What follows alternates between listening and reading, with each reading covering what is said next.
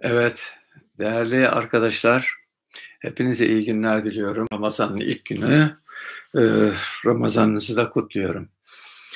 E, bugün 24 Nisan, hepimizin e, bildiği gibi Ermenilerin bir soykırım iddiaları var. Bu iddialar ne kadar doğrudur? Ve gerçekten nasıl e, böyle bir konu siyasallaştırılmıştır? Bu konu üzerinde e, bugün konuşacağım.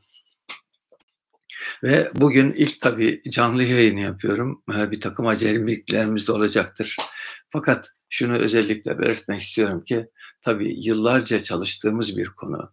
Yurt dışında e, özellikle yabancı arşiv belgelerinin hemen hemen Türk Tarih Kurumu Başkanlığım döneminde Türk Tarih Kurumu olarak birçok arkadaşımızla bu konuyu çalıştık ve çok e, önemli belgeler elde ettik.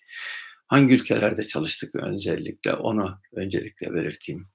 Tabii Amerika Birleşik Devletleri'nin hem Dışişleri Bakanlığı hem Başkanlık Arşivinde, e, misyoner arşivlerinde. Ayrıca e, Amerika'ya e, giden gemiler genelde Avrupa tarafından giden gemiler ki Pasifik tarafını inceleyemedik tabii ki ama Amerika tarafına giden gemiler Avrupa'dan Baltimore ve New York limanlarına giriyor o, bu o, limanlardaki yolcu defterlerini o tarihteki onları inceledik. İngiltere'de bir arkadaşımız çalıştı. Hikmet Özdemir. E, Fransa'da e, yine e, Ayşe Hanım çalıştı. E, Cenevre Milletler Cemiyeti Arşivi. E, Almanya ve Avusturya'da bir başka arkadaşımız. E, Amerika'da iki kişi, Rusya'da iki kişi, İran'da bir arkadaşımız araştırmalar yaptı. Tabii Osmanlı arşivini zaten biliyorduk ama burada özellikle yabancı arşiv belgelerine bakmaya çalışıyor, bakmaya çalıştık. Çünkü Ermeniler veya Avrupa'daki bir takım bu iddiada bulunan kişiler şunu söylüyordu. sizin arşivleriniz zaten taraftır. dolayısıyla bunlara ne kadar inanabiliriz e, diyorlardı. Bu sebeple de biz e, bu Birinci Dünya Savaşı sırasında Osmanlı Devleti'ne karşı savaşan ülkeleri özellikle incelemek suretiyle e, gerçekten araştırmamızda e, neler elde ettiğimizi şimdi değerlendireceğim. Fakat şunu da belirteyim. Ermeniler adına çalışan Hilmar Kaiser diye bir araştırmacı vardı. Bu araştırmacı bize şunu söylüyordu. Ya siz bunları nereden buluyorsunuz? Biz araştırıyoruz bulamıyoruz siz nasıl buluyorsunuz? Ya ben de kendisine şunu söylemiştim. Siz aslında e, soykırımı araştırıyorsunuz. Biz de Ermenilere ne olduğunu araştırıyoruz demiştim. Ve gerçekten e, bizim araştırmalarımız illaki soykırım olmadığını bulmak değil. Gerçekten Ermenilere neler oldu bunları araştırmak istedik. Ve bunları araştırdık. E, elde ettiğimiz e, sonuç e, çok ilginçti. Nitekim e, bu e, belgelerde Fransızların kimlerle işbirliği, e, Ermenilerin kimlerle işbirliği yaptığı, kimlerden silah aldıkları, e, nasıl çeteler kurdukları ki Bunlar özellikle Rus arşivlerindeki gizli belgelerde çok daha berrak olarak ortaya çıkmıştı. Nitekim e, Rus arşiv belgelerinde ki özellikle Anadolu'daki Rusların konsoloslarının ve büyükelçilerinin raporları vardı. Bunları elde etmiştik. Burada Ermeni çetelerin Ermenileri bile baskı yaptığını, e, kendilerine maddi destek vermeyenler, destek, normal destek vermeyenler de dahil hepsini ölümle tehdit ettiklerini ve bunlara karşı Rusların da çaresiz kaldıklarını kendiler belirtiyordu. Nitekim bunun dışında e, Rusya'da e, özellikle KGB'den bir kişiyle yaptığım anlaşma sonrasında ki Büyükelçi de araya girmişti o tarihlerde 3000 dolar karşılığında taşnak arşivlerini almıştım, satın almıştım. 3000 küsür belki ama numara olarak 3000 küsür, sayfa olarak e, binlerce sayfaydı. Burada e, çok açık ve net görülüyordu aslında bütün mesele. Diğer taraftan Cenevre'deki Milletler Cemiyeti Arşivi bizim için şu bakımdan önemliydi. Gerçekte Ermeniler e, ölmedilerse nereye gittiler? Dolayısıyla göç eden Ermenilerle ilgili Amerika işte ne kadar Ermeninin göç ettiğini, Fransa'ya e, ve diğer ülkelere ne kadar göç ettiklerini ortaya koyan belgelere ulaştık. Nitekim bu belgelerin bir nüshası da e, Amerika Birleşik Devletleri'nden çıktı. Cenevre'deki arşivlerde e, hem Fransızca hem İngilizce olmak üzere dünyadaki Ermenilerin miktarı belirtiliyordu. Bu miktar 1922 tarihliydi. Yani 1922 Kasım'ı itibariyle dünyadaki Ermenilerin miktarı belirtilmişti ki bu şu, şu bakımdan önemliydi. Savaş sırasında ölen Ermeniler dahil veya öldürüldüğü iddia edilen Ermeniler tarafından Ermeniler dahil bütün bunların ötesinde ne kadar Ermeni vardı ve bunların ne kadarı Osmanlı topraklarından e, göç etmişlerdi bunları ortaya koymuştu Milletler Cemiyeti arşivindeki ve araştırmayı yapanlar da ilginçti. Ee, Amerikalılar ve İngilizler tarafından yapılmıştı. Öyle te- teferruatlı rakamlar vermişlerdi ki yani nokta atışıydı adeta. Söz gelimi İstanbul'da 148.998 Ermeni yaşıyor diyordu Kasım 1922 itibariyle. Ermeni kimliğiyle. Tekrar ediyorum 148.998 e, diyor. Yani 149 bin demiyordu. Dolayısıyla böyle bir e, e, şimdi zannediyorum kamerayı tam karşınıza koysanız diyor da işte biraz acemilik var. Şimdi zannediyorum tam karşımda. E,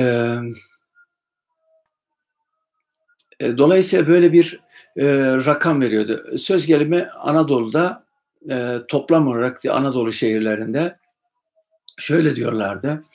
E, 131.175 e, Ermeni var diyordu. Şehir şehirde almıştı mesela. Ee, bu şehirlerin e, bir tanesi Ankara diyelim. 13.254 Ermeni'nin Ermeni kimliğiyle yaşadığı belirtiliyordu. Yani bu kadar teferruatlı rakamlar veriyorlardı. Nitekim e, şey şuydu, durum şuydu. E, dünyada 3 milyon 4 bin Ermeni'nin olduğunu, bunlardan 817.873'ünün Türkiye'den göç etmiş Ermeniler olduğu belirtiliyordu. Bakın ilginçti yani. E, bu Ermenilerden 817.873'ün Türkiye'den göç etmiş olduklarını belirtiyordu. Ayrıca 95.000 Ermeni'nin e, Müslüman e, kimliği adı altında yine Anadolu'da bulunduğu belirtiliyordu. Şimdi dolayısıyla bu rakamın da e, yukarıda açıkladıkları rakama e, rakamın dışında olduğu yine söyleniyordu. Tabii ki e, Ermeni kimliğiyle Anadolu ve İstanbul'da yaşayan Ermenileri de göz önüne aldığınızda 1 milyon 200 bin Ermeni zaten ortaya çıkıyor. Hastalıktan ölenler e, Ermenilerin ki o tarihte biliyorsunuz e, grip vardı, tifotifüs vardı ki sadece Osmanlı ordusu 401 bin, 4 sene içerisinde 401 bin e, şey vermişti.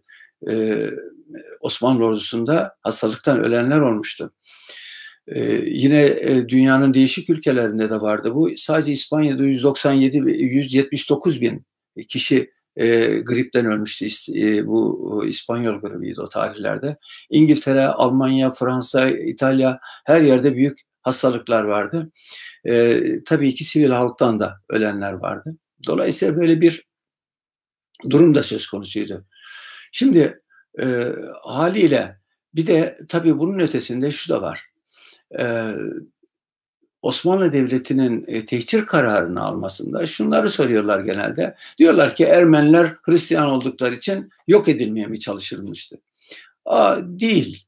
Aslında eğer öyle olacak olsaydı e, Ermeniler dışında Hristiyan olan başka e, milletler de vardı. Mesela Rumlar vardı. Neden Rumlar sürgün edilmedi veya katledilmedi? Diğer taraftan Yahudiler vardı. Onlar da duruyordu. Süryaniler.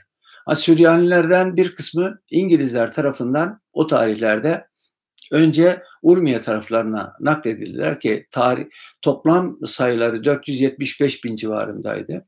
Bunlar o bölgeye gönderirler. Oradan e, Musul bölgesine alınarak asker yapılıp Türklere karşı savaştırdılar. Bunların hepsi Amerikan arşiv belgelerinden elde ettiğimiz bilgiler. Dolayısıyla böyle bir e, Hristiyanlara karşı bir e, tavır takılması mümkün değildi.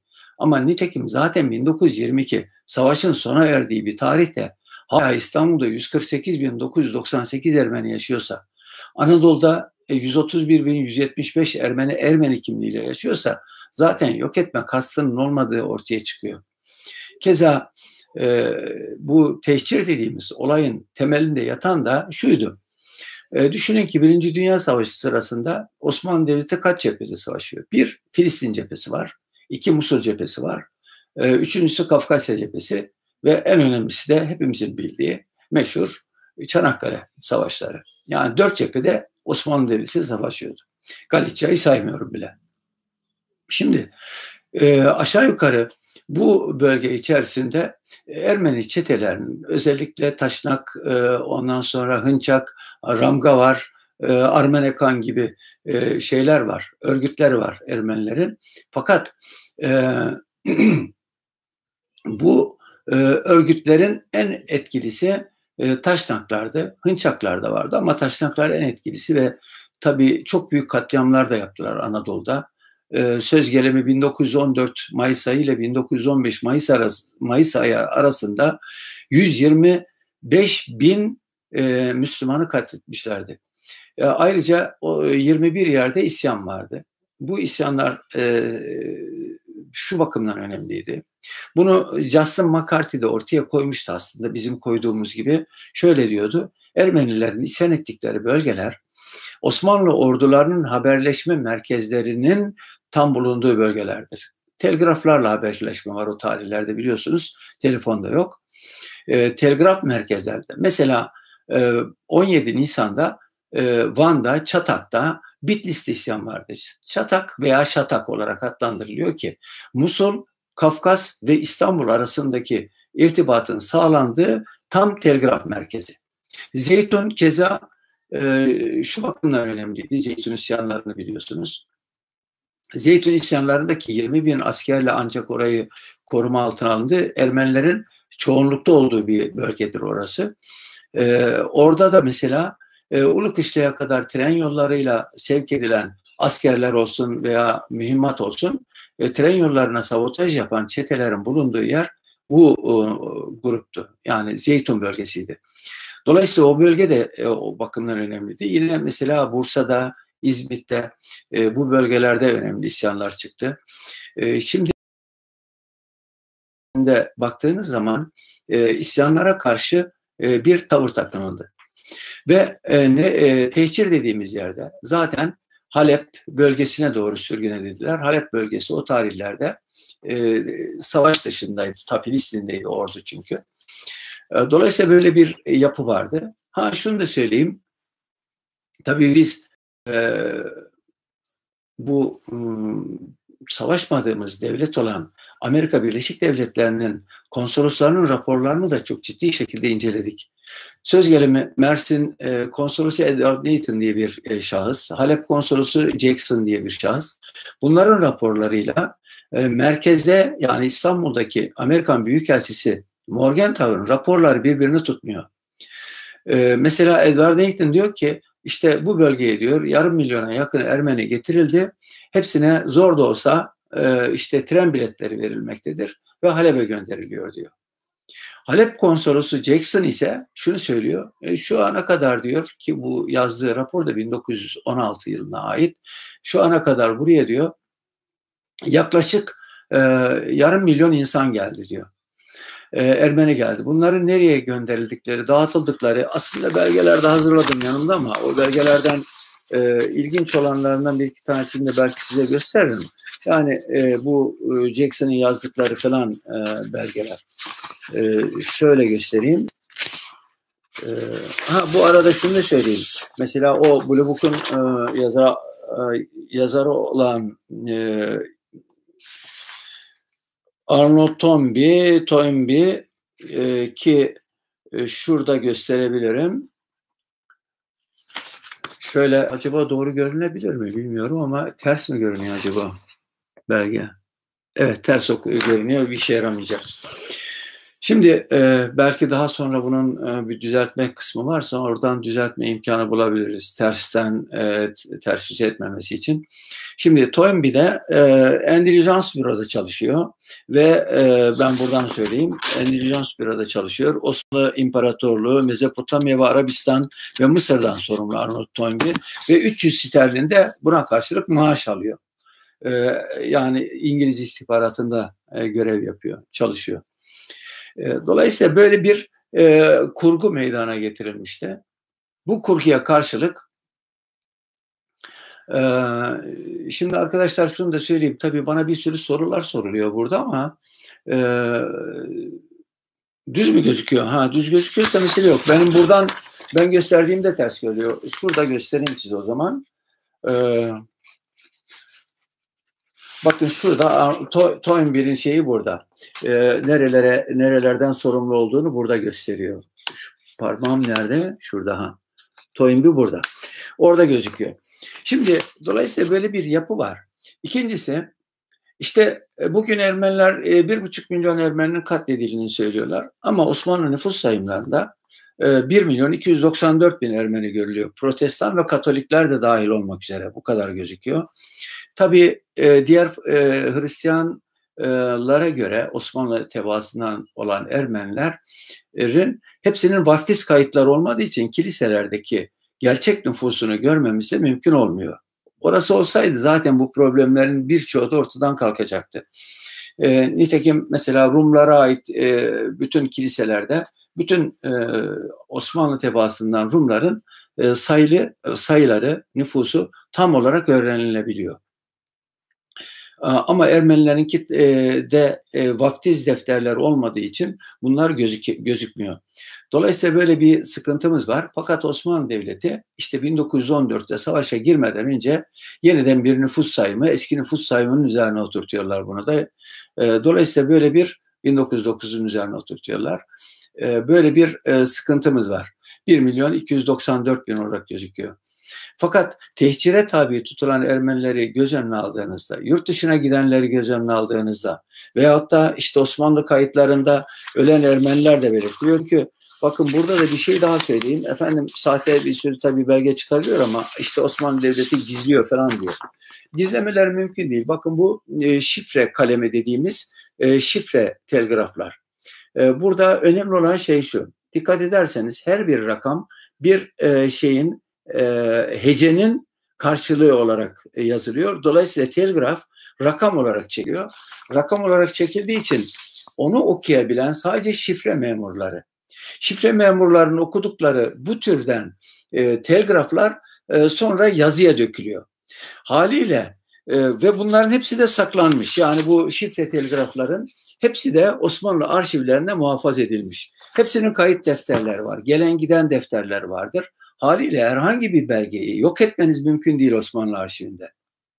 Şimdi bu belgelere baktığınızda, şifre kalemine baktığınızda yani ölen Ermeniler de burada kayıtlı hangi eşkıya gruplarının saldırdıklarından varıncaya kadar hepsini burada görmeniz mümkün. Şimdi saklayacak olsa Osmanlı Devleti zaten e, bunları bu şekliyle yapmazdı. Onun dışında e, mesela Arnold Toynbee falan gibi birileri şey pardon e, Toynbee e, değil de e, e, Andonyan gibi bazıları bir takım belgeler çıkarıyorlar, sahte belgeler ve o belgeleri e, Talat Paşa'ya atfediyorlar. Ama Osmanlı belgelerinin bir özelliği vardır arkadaşlar.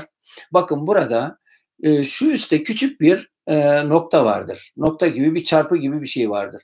Bu bütün Osmanlı belgelerinin hepsinde vardır. O ne demektir biliyor musunuz? Lillah Arap harfleriyle Allah'ın adını e, göz önüne alın Arapçasını. Elif'in olmadığını düşünün. E, lam lam he. Lillah diye okunur. Bütün belgelerin, Osmanlı belgelerin başında bu harf e, şey vardır. Lillah kelimesi. Yani Allah'ın adı vardır. Bakın başka bir belge daha göstereyim size ki e, buna benzer birçok bütün arşiv belgelerine baktığınızda gerçeklerinde hepsini görebilirsiniz. Bakın aynı belge şey burada da var. Şimdi dolayısıyla sahte belgeler de üretiyorlar. Yani bir şeyler yapmaya çalışıyorlar bunu ispat etmek için ama bir türlü bir belge ortaya çıkaramıyorlar. Sonuçta e, tabii soykırım dediğiniz zaman bütün Ermenilerin öldürülmesi anlamına da gelmiyor Mahmafi. Fakat e, öldürülmesi anlamına gelmiyor ama e, bir de bir iddialar daha var ki e, işte Ermeniler eli silah e, tutmasını bilmeyen insanlardı. Dolayısıyla bunların böyle bir şey yapmaları mümkün değildir diyor. Ama bakın bu mesela şu gördüğünüz resmi göstereyim size. Bu Ermeni e, çetelerinden bir tanesinin görüntüsü. E, fakat e, birisinin bakın şurada elinde bomba var. Bir tanesinin elinde de cenin var arkadaşlar. Yani e, bunlar e, Rus ordusu içerisinde yer almışlar, Fransa e, ordusu içerisinde yer almışlar. Hatta Fransa için ölen Ermenilerin listelerini Fransız arşivleri yayınlamış 1914 e, yılına 18 ikisi 14-18 yılına ait. Şimdi dolayısıyla silah tutma bu sahtekarlık. İkincisi ki ben bunu e, daha geniş e, çapta Sevan Nişanyan'a göstermiştim. Bir programımız olmuştu. Şimdi haliyle böyle bir durum vardı. Şimdi bütün mesele e, bir de şu, e, hukuki açıdan da bir konuyu değerlendirmek istiyorum burada. E, ama e, şunu da göstereyim ki ne kadar teferruatlı çalıştığınızı anlamanız açısından. Şu gördüğünüz belge mesela bakın e, Baltimore limanına giren geminin o tarihteki geminin e, yolcu defterlerini gösteriyor Ermenilere ait bu liste. Ve hangi eyaletlere ne kadar Ermeninin gittiği, kaç yaşında, hangi kamerada seyahat ettiklerine varıncaya kadar hepsinin kayıtları burada mevcut. Ee, öte yandan e, bir şey daha göstereceğim size. E, belge daha göstereceğim. Mesela e, bir e, defterden e, icmali bu. Yani e, özeti. Bu defterde de e, burada gördüğünüz gibi e, 1915 Haziran 16'sında sevk başlıyor. O tarihten itibaren suistimalde bulunan devlet kademesindeki görevliler dahil, bir takım çeteler dahil, Ermenilere zulmeden, mallarını gasp eden, onların e, işte kaçıran, öldüren kim varsa bunlardan 1673 kişi e, divan Harbe sevk ediyor. Kaymakamda var, iki tane şey var, e, teşkilata mahsusdan kişiler var. Bunlar oraya naklediliyor. 67 kişi ki ha şunu da söyleyeyim. E, Ekim ayında mahkeme başlıyor. E, Şubat ve Mart dönemlerinde 1916 ma- e, sonuçlanıyor mahkeme. E, bu mahkemede mesela çok e, özellikle şöyle belirteyim. 67 kişiye idam veriliyor. 68 kişi kalabet cezasına çarptırıyor. Yani Ermenilere karşı suç işledikleri gerekçesiyle. Nitekim bakın bunlardan bir tanesini okuyorum. Çete reisi Sirozlu Çerkez Ahmet bin Recep. Ne yapmış bu adam? Ee, nev cürmü diyor çünkü. Ermeni muhacirlerini, katil ve envalini selbetmiş. Mallarını e, hırsızlamış, çalmış. Ee, neymiş? Müddeti mahkumiyet diyor burada. Müddeti mahkumiyet dediği yerin altında ne yazmış biliyor musunuz? Bu işi yapmış. Bakın öldürmemiş ne yapmış? Ermeni muhacirlerini katletmiş ve envalinde hırsızlamış. İdam cezası verilmiş. Ve karşısında da diyor ki tasdik edilerek infaz edilmiştir. Yine aşağıda başka bir ikinci kişi mesela çete reisi der saadetli Halil bin Mehmet Ali. Bunun şey neymiş suçu? Ermeni muhacirlerinin enval ve eşyalarını e, tazik baskı suretiyle, tazik suretiyle gasp etmiş adam. Buna ne ceza vermişler? Buna da idam vermişler mahkeme. Yani gördüğünüz gibi aslında burada önemli olan şey şu.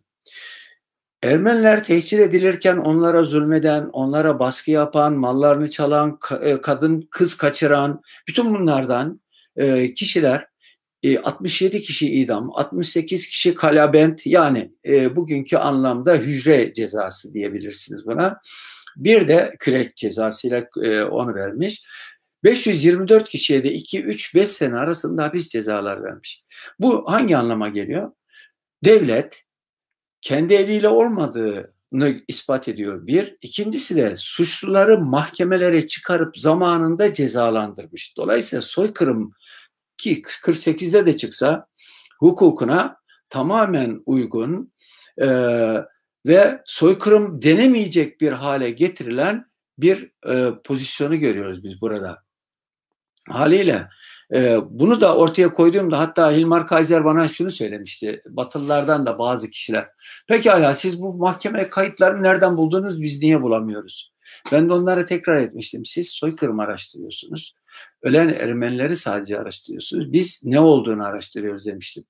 Gerçekte de e, bu türden e, şeyler, e, hadiseler e, günümüzde. Peki 24 Nisan niçin soykırım e, günü olarak adlandırılıyor Ermeniler tarafından? Mesele şu. Biraz önce söyledim. 17 Nisan'da Van'da, Çatak'ta, ondan sonra Bitlis'te, o bölgelerde e, Ruslarla birlikte bir isyan çıkarılıyor. Bu isyanda Ermeniler çok büyük bir katliamda bulunuyorlar.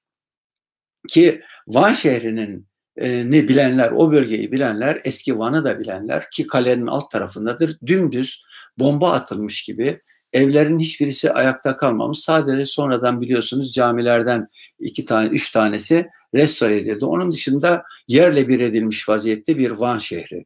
İşte bu Van şehrinde e, büyük katliam yaptı Ermeniler. E, özellikle tabii Bitlis falan da Van vilayetine bağlı o tarihlerde toplam bütün Bitlis de dahil o bölgedeki Van vilayetinden 80 bin kişi öldürüldü. Bunları hangi çetelerin öldürdüklerinin kayıtları falan hepsi Osmanlı arşivinde de mevcut. E, ikinci olarak şunu söyleyeyim. E, tabii burada çok e, böyle hakikaten e, dramatik hadiseler de meydana geldi. Genç kızlar alındı. E, Akdamar Kilisesi'ne götürüldü, tecavüz edildi. Nitekim e, kayıtlarımızda, Osmanlı arşiv kayıtlarında bunlardan 50 tanesi yine götürülürken Akdamar Kilisesi'ne e, e, genç kızlar, kadınlar iffetlerini korumak e, için kendilerini Van Gölü'ne attılar. Hayatlarına kıydılar. Hatta ben bununla ilgili iffet anıtı dikilmesini istemiştim. E, dolayısıyla e, e, iffet da dikilmesi imkanı e, maalesef e, o zaman bulamamıştık. Yani daha gündeme bile almadılar maalesef. E, e, dolayısıyla böyle bir e, durumla karşılaştık. E, peki e, neden e, Türkiye'nin Tarihçiler Komisyonu'nun e, komisyonu kabul edilmiyor. Dünyaca kabul edilmiyor. Sadece Ermenilerle ilgili değil. Ermenilerin kabul etmesi zaten mümkün değil. Nitekim biz 2005 yılında Avusturya'da, Viyana'da e, Armenian Turkish Platform adı altındaki e, Viyana Ermeni Armenian gibi kuruluşun şey olarak gitmiştik oraya. Fakat e, bu e, toplantıda gelen Ermeniler bizimle daha sonra toplantı yapamayacaklarını baskı üzerine bildirdiler ve toplantıda yapılamadı. E, onların zaten bizimle masaya oturmalar mümkün değildi. E, tek bir şekilde masaya oturmaya karar verdiler. E, tarih 2008 Haziran. E, Oslo'da Ermeniler bir toplantı e, yapıyorlardı. Bizden de iki e, kişi istediler. E, birini e, ben geleceğimi belirttim. E, diğer bir arkadaş da Kemal Çiçek e, ikimiz geleceğiz dedik. Beni kabul etmediler. Onun üzerine Avusturya'dan İnan Çatılgan'ı göndermiştim. Ama o sırada bir teklifte bulundum.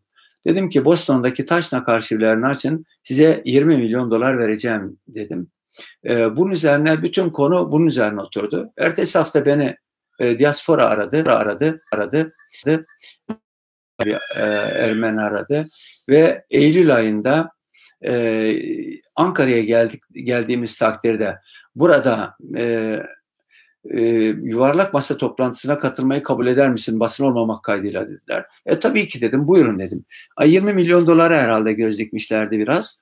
E, masaya oturmayı kab- kabul ettiler fakat ben o sırada bir e, ay içerisinde de görevden almışlardı. Dolayısıyla da o toplantı gerçekleştirilemedi. Haliyle e, konu tamamen siyasallaştırılmış bir e, pozisyonda duruyor. Tabii ben bu arada şunu da söyleyeyim. Şu anki Cumhurbaşkanı e, e, Sayın Erdoğan'a şunu söylemiştim. O zaman başbakandı. Ona bağlıydık. Kendisine şunu söyledim. E, Şubat ayıydı. E, Mart ayında bir basın toplantısı yapmanızı e, yapmanız ve burada soykırımla ilgili olduğunda belirtecek bir basın toplantısı yapın dedim. Bütün dünya basın e, mensupları gelecektir. Orada şunu e, ifade etmesini istemiştim. Bu basın toplantısında biz soykırımı kabul edeceğiz. Fakat e, kabul etmemiz için soykırımı, soykırımı kabul etmiş e, ülkelerin parlamentoları e, kabul ediyordu biliyorsunuz. E, bunlar bizi ikna etsinler. E, bu e, ikna ettikleri takdirde kabul edeceğiz deyin dedim. Bakın kimse gelmeyecek.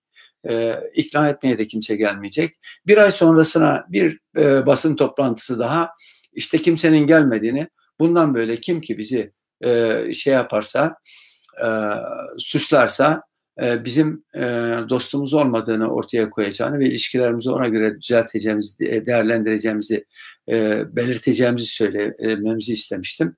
Sonuçta başbakan o zaman kabul etti. Fakat aralara kim girdiyse daha sonra bu basın toplantısı da gerçekleştirilemedi. Çünkü tamamen bu konu siyasi bir konudur. Bu konuyu ortadan kaldırmanın tek bir yolu vardır e, şu an bile yani e, yolu e, e, devletlere e, artık Ermenistan'a değil Birleşmiş Milletler'e başvurmak. Birleşmiş Milletler'e başvurmak suretiyle bir tarihçiler komisyonu kurulması istenebilir. Bunu 1919'da Osmanlı Devleti de yapmıştı. E, hatırladığım kadarıyla İspanya, Danimarka ve İsveç'e e, gönderdiği e, birer e, yazıyla e, ikişer komisyon üyesi vermelerini ve bu konuyu araştırmalar istedi. Fakat üç ülkeden de olumsuz cevap gelmişti o tarihte bile. E, dolayısıyla böyle bir durum da söz konusudur. Haliyle biz bu konuda şunu özellikle belirteyim. Yani konu çok uzun. Yani her bir alanını ele alacak olsak bitmeyecek bir konu. E, çünkü yüz, e, yıllarca neredeyse yüz yıl oldu ki e, bu konu sürekli dile getiriliyor. Türklere karşı Batı'nın tabii ki bir ön yargısı vardır. Bu ön yargı olmadığını söylemek hata olur. Zira e, neden e, bu yargı var? E, Türkler e, Anadolu'daki Doğu Roma'yı yıktılar, İstanbul'u aldılar. Bu hiçbir zaman Batı tarafından unutulamayacak bir hadise. Bugün bile hala bunun özlemini çekiyorlar. Ya 17. yüzyılda Fransa e, o kadar kötü durumdayken ve Türklerin yardımını alırken bile 17. 12. Louis e, İstanbul fetih projeleri hazırlamıştı. E, fakat İstanbul fetih projelerinde bile nasıl Türkleri öldüreceğini, ne kadar öldüreceğini, ne kadarını esir edip bunları e, ameli olarak kullanacaklarını bunların hepsini anlatıyorlardı. Nitekim tarih kurumuna ben bunları e, Bibliotek Nasyonel'den aldım ve yayınlamıştım da hatta yayınladık bunu Türkçesiyle Fransızcasıyla birlikte. E, dolayısıyla böyle bir ön yargılar var Türklere. Bugün bile sadece da, tabii Batı'nın değil Arapların da var. İslam dünyasının Arap kesiminin de Türklere karşı bir böyle ön yargıları vardır. Nitekim hatırlayın e, Suriye'ye Türkiye'nin e, geçenlerde girmiş olmasında e, sürekli desteklediğimiz Filistin bile ilk ilk karşı çıkan Filistin'di.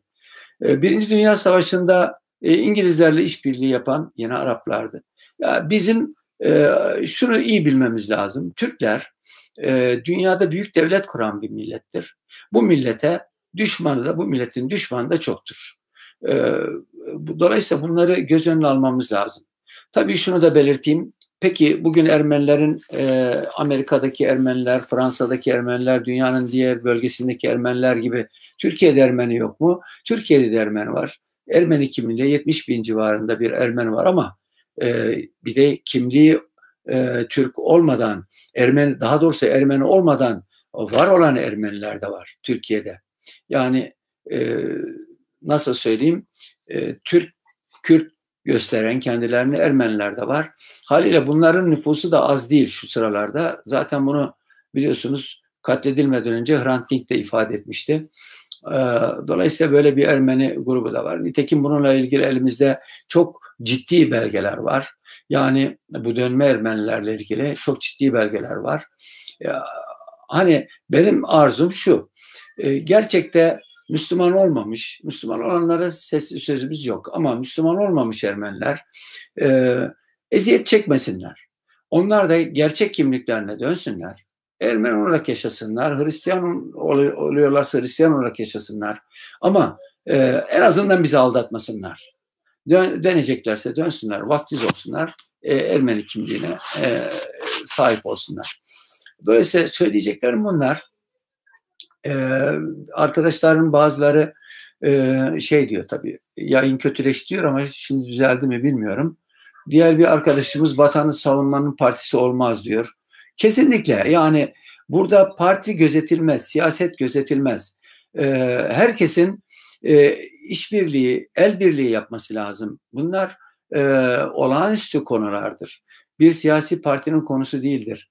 E, doğrudan doğruya e, bu e, Türk milletinin kendi problemidir. Bu problemi çözmek lazım. Biz bu konuda elimizden geleni yapmaya çalıştık. Yani e, beğendik, beğenmedik, şu parti, bu parti iktidardadır demedik. Çünkü zaten bilimin de iktidarı olmaz. E, bilim e, her zaman için siyaset dışında, siyasetin üstünde bir anlamda e, sürdürülür. Objektif olmazsanız tarihte zaten, objektif olarak ortaya koymazsanız onun e, karşılığında çok kötü alırsınız. Nitekim Mustafa Kemal Atatürk'ün biliyorsunuz Türk Tarih Kurumu'nu kurduktan sonraki çok güzel bir sözü vardır. E, söylediği şey şu. E, tarih yazmak yapmak kadar mühimdir. Yazan yapana sadık kalmazsa değişmeyen hakikat insanlığı şaşırtacak bir mahiyet alır diyor. Diğer taraftan tabii e, tarihe e, vurgu yaparken şunu da göz önünde bulmamız lazım. Hakikati söyleyen tarihçiye ihtiyacımız var. Uyduruk tarihçi değil. Roman yazmıyoruz burada. Belgelerle konuşmak zorundasınız. E, haf, benim e, kafam almıyor, benim aklım almıyor bunu diyerek tarih yazamazsınız. Tarih belgeye dayanır. E, tabii ki e, burada şu da var. İnsanlar ne kadar objektif tarih yazabilir? e, şöyle düşünmemiz lazım. Tabii bir millete mensupsunuz, bir kültüre mensupsunuz. E, yani yüzde yüz obje, objektif tarih yazacağım derse birisi yanlış söyler, yalan söyler. Yüzde yüz yazamazsınız. Ama bu konuda samimi olarak söylüyorum. Biz mesela Ermenilerin e, çetelerin katlettikleri birçok mezar yerler açtık ve buradan tabii ki Kur'an, muskalar vesaire çıktı. E, ama Ermenilere ait toplu mezar var mıdır diye e, bunları araştırdığımızda maalesef ben e, şunu söyleyeyim e, öldürüldü diyen Ermeniler öldürüldü diyen Türkiye'den kişiler bile bu toplu mezarları göstermekten aciz kalıyorlar. Nitekim 2003 yılında Kars'ın Derecik e, köyünde bir toplu mezar kazmıştım. 476 kişi vardı. Köylüler biliyordu. Arşivden de te- şeyini yaptım. Araştırmasını yapmıştım. Ve bütün dünya basınını çağırdım. Le Monde'dan tutun da ZDF televizyon, televizyonuna kadar hepsi gelmişti. Orada ilk kazmayı gözlerimin önünde vurduk. ZDF bana bunu sizin koymadığınızı nereden bilelim diye bir garip sual sordular. Yani bu kadar ön yargılı yaklaşıyorlar. İkincisi orada şunu söylemiştim. Bunu siyasetten açmıyoruz. Bir takım iddialara karşı yapıyoruz. Eğer Ermenilere ait toplu mezar biliyorsanız gösterin açalım demiştim. Ama e, 2003 yılından bakın kaç yıl geçti aradan 2020 yılına geldik bir toplu mezar yeri gösteremiyorlar. Bunun için de şunu söylüyorlardı. Efendim çöllere attınız işte orada zımpara taşı gibi çöl kumları onların kemikleri de dahil hepsini yok ettiler diyor. Ya Firavun'un kemiği bile duruyor yerinde bir milattan öncesinde yaşayan adamın bunların kemikleri yok oldu diyorlar. Kaldı ki ben Deir Zor'a da gittim. Yani Ermenilerin sürgün edildiği, tehcire tabi tutulduğu yere de gittim.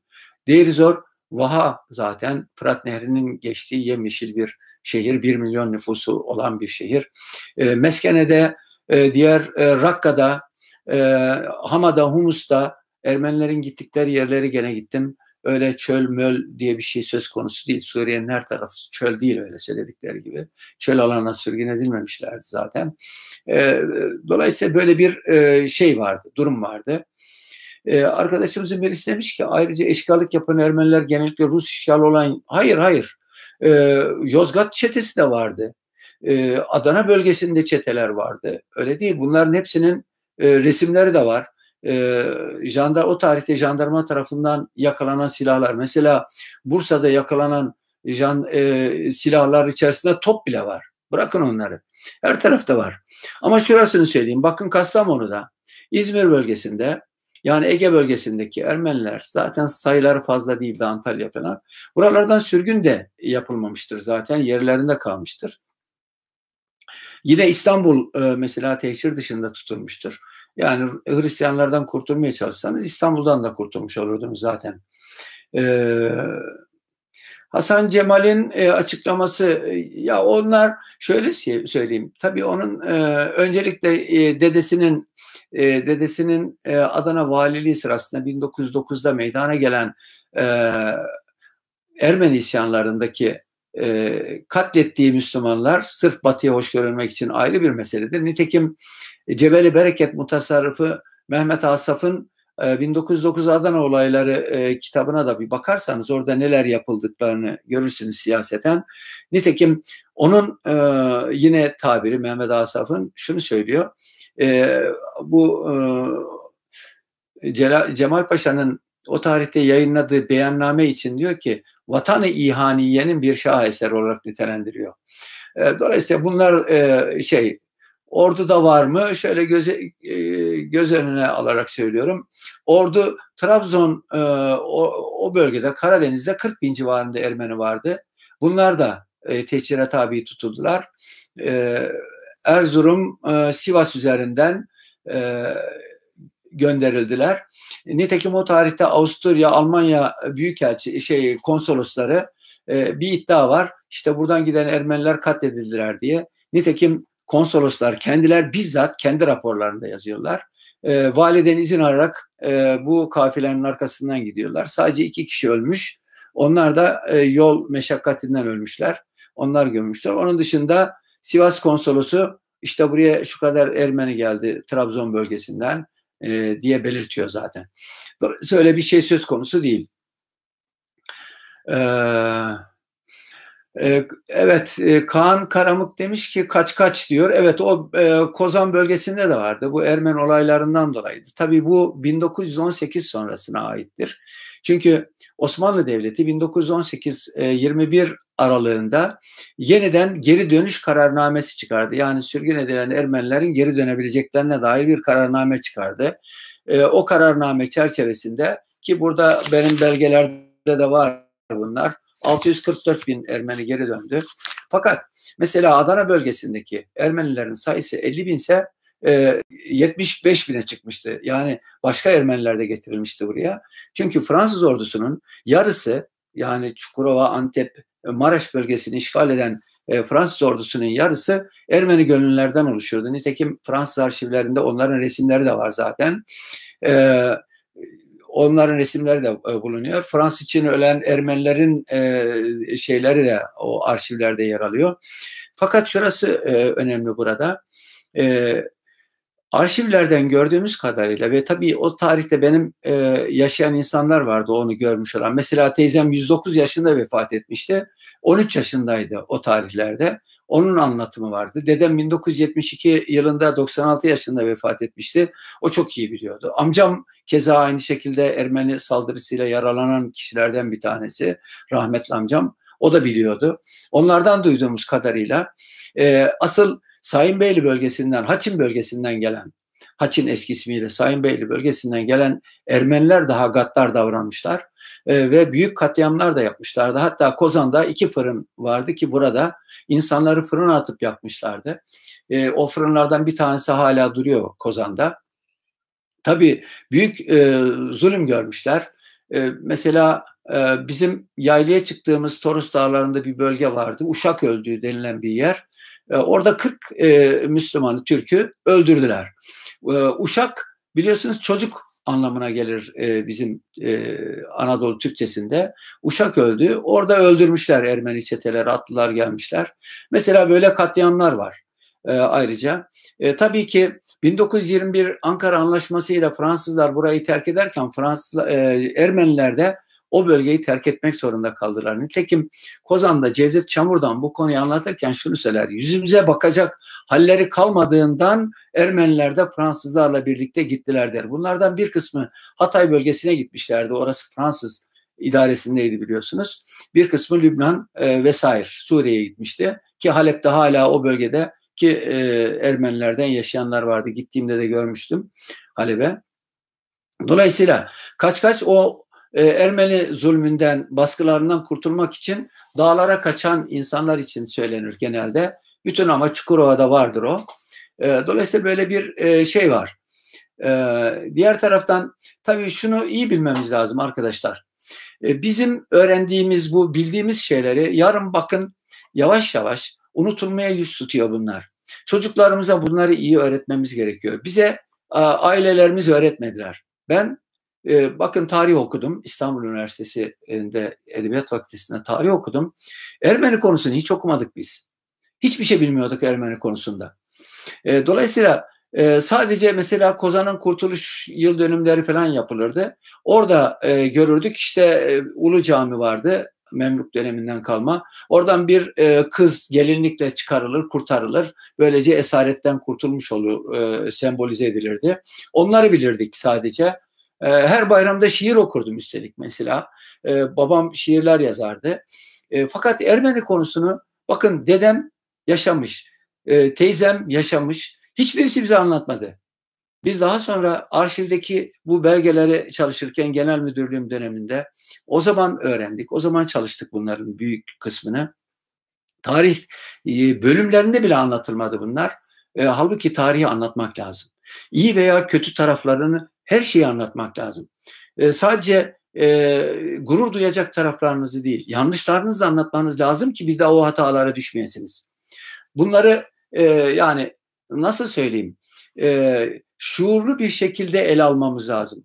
Ben mesela tarih ders kitaplarımızın çok farklı yazılması taraftarıyım. Tarihteki her konuyu gençlerimize öğretmeye gerek yok. Ana konuları kritik veyahut da nasıl söyleyeyim e, tam e, dönemin e, devir değiştiren konuların ele alınması taraftarıyım ve bunu da e, sadece kitap kitabi değil görsel hale de getirmek lazım. Mesela söz gelimi söyleyeyim. İşte Malazgirt Savaşı'nı ben şöyle anlatırım şahsen. Ee, savaşı bir dakika içerisinde anlatırım ama asıl ondan sonra Anadolu nasıl bir e, yeni medeniyetle tanıştığını anlatırım. Divriği Camii'nden tutun da bilmem işte o eserlere kadar. İşte ahlat mezar taşlarına bakın. Taşlar dantel gibi oyulmuş. Yani bu ne, de, ne demektir biliyor musunuz?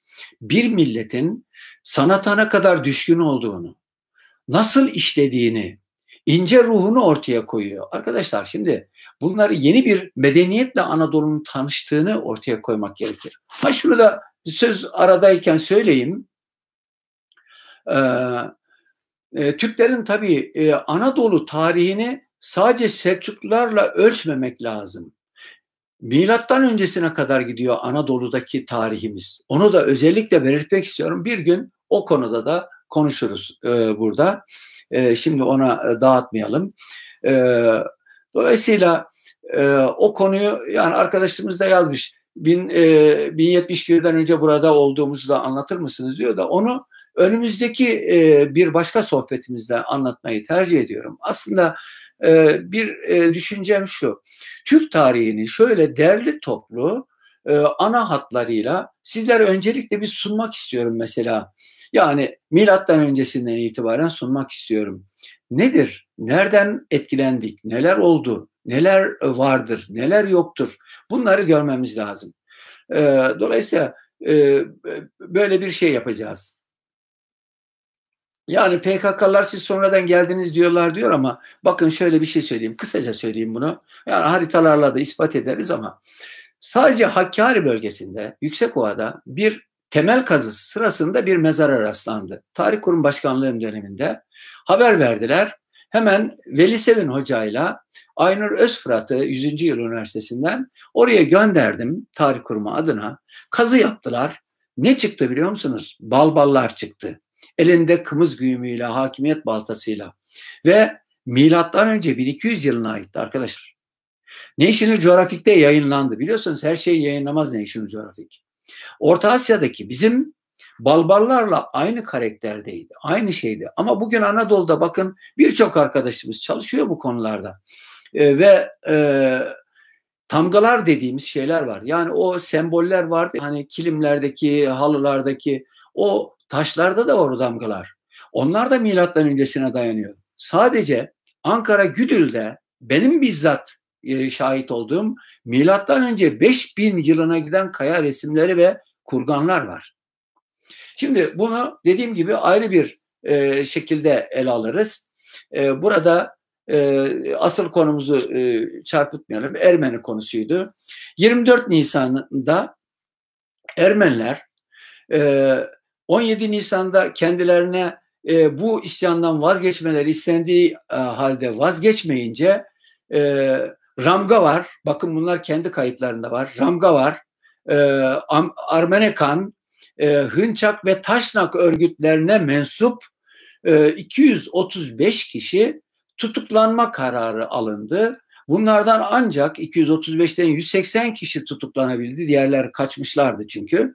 Bunların bir kısmı Ayaş, bir kısmı da e, Çankırı cezaevlerine gönderildiler. E, ve e, daha sonra da bunlar Batılıların baskısıyla e, Halep tarafına bir kısmı da Batı e, ülkelerine gittiler. Yani hiçbir kimse de öldürülmedi ama bu beyin takımlarının tutuklanmasıydı Osmanlı Devleti döneminde beyin takımlarının tutuklanmasıydı.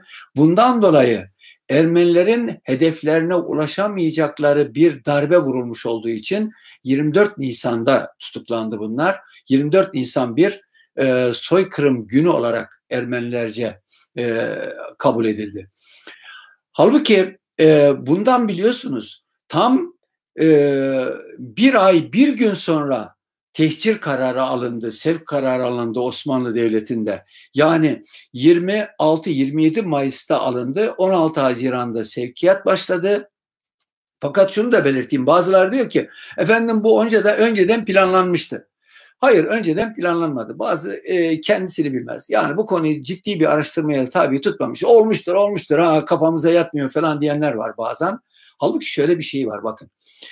E, Mart ayından Mart ayına Osmanlı bütçeleri hazırlanır. Osmanlı bütçelerinin Mart ayında hazırlanan 1915 bütçesine baktığınız zaman bu sevk e, için Ermenilerin sevki için iskan ve aşağıyın müdüriyetine hiçbir e, şey konmamış, ödenek konmamış.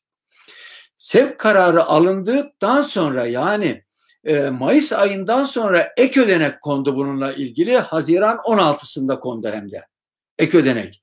Dolayısıyla e, önceden planlanmış olsaydı bütçeye bunun parasının konması lazım gelirdi. Bütçede böyle bir para yok. Dolayısıyla sonradan alındığı kesinlikle ortaya çıkmıştır, konuyor böylece. E, e, dolayısıyla burada e, herkes e, kendi dağarcığında ne varsa sallıyor bir yerde. Şimdi bakın binlerce belge topladık diyorum.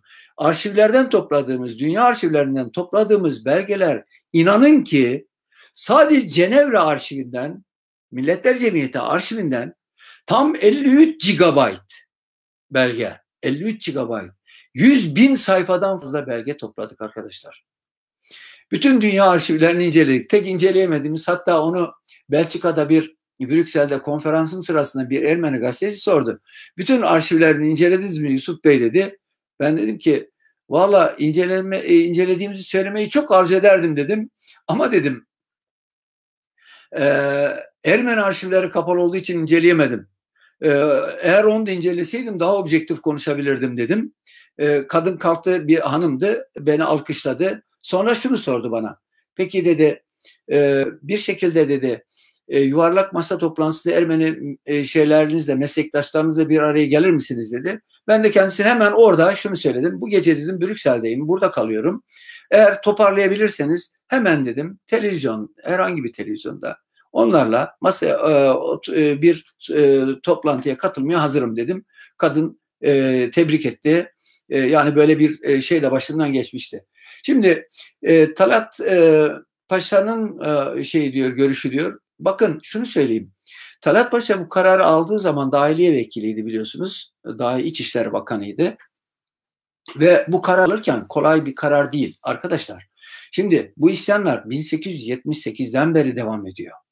Ermenilerin çünkü Ayastafinos Anlaşması yani Yeş Yeşilköy'deki Ayastafinos Anlaşması hemen e, 78'in arkasından Berlin Anlaşması'nda Ermenilere önce e, 16 sonra 61. 61. sonra 16. maddeye konan Ermeniler bölgesinde ıslahat yapılması meselesi var ve bu konuda e, Batı'nın baskısı var. Nitekim üç e, vali atanması gayrimüslim e, yabancılar tarafından Osmanlı bunun birisinin kabul etmesi ve Ermeni bölgelerine bu valilerin gönderilmesi kararı bile alınmış durumdaydı. Dünya Savaşı'yla bu e, şey uygulanamadı e, gerçekte. Fakat e, çok sıkıntılı bir dur- duruma düşmüştü Osmanlı Devleti.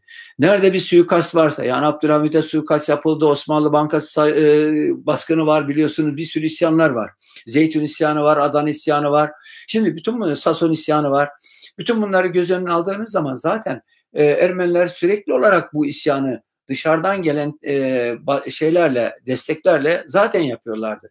Mesela e, Rusların 1914 öncesi konsoloslarının gizli raporları da elimizde var. Onu da söyleyeyim.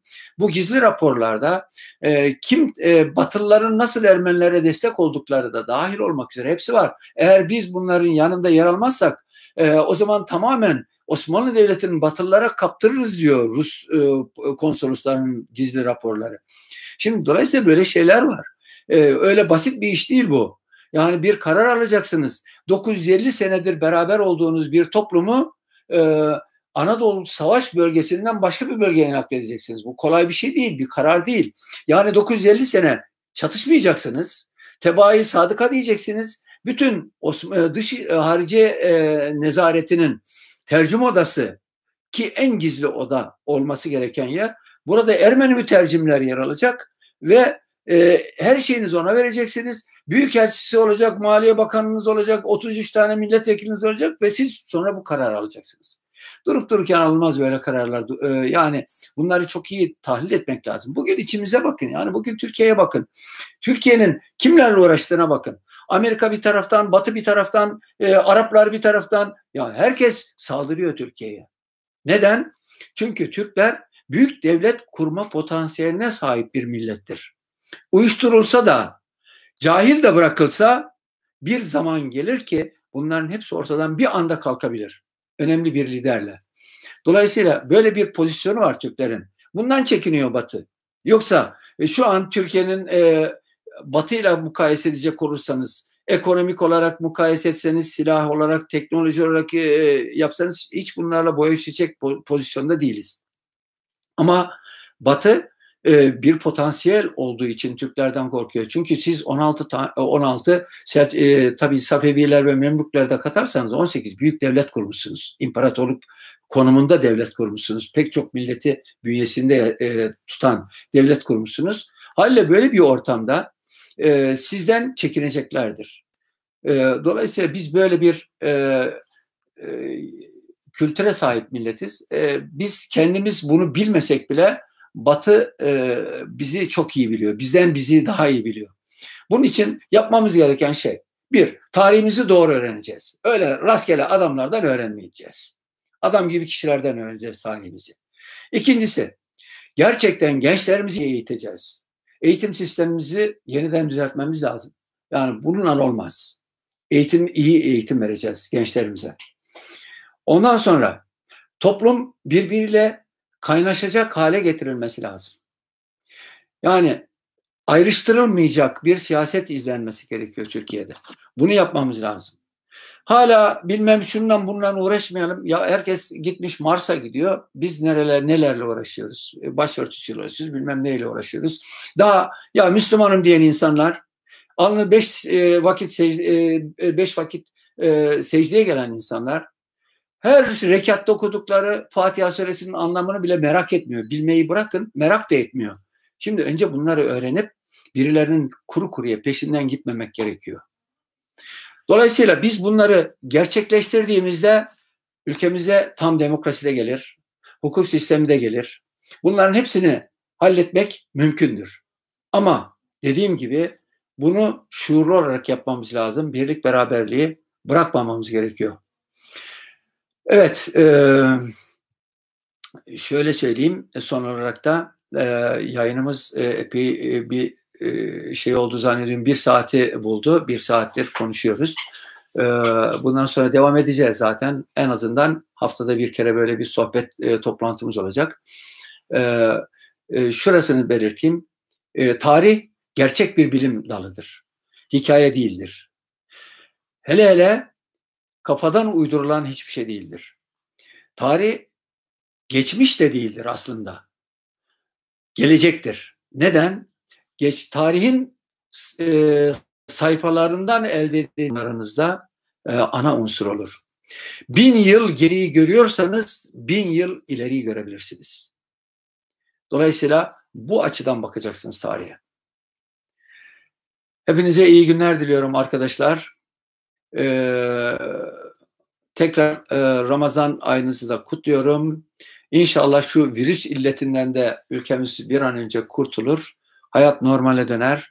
Çok daha e, uygun şartlarda e, birlikte oluruz. E, hoşça kalınız.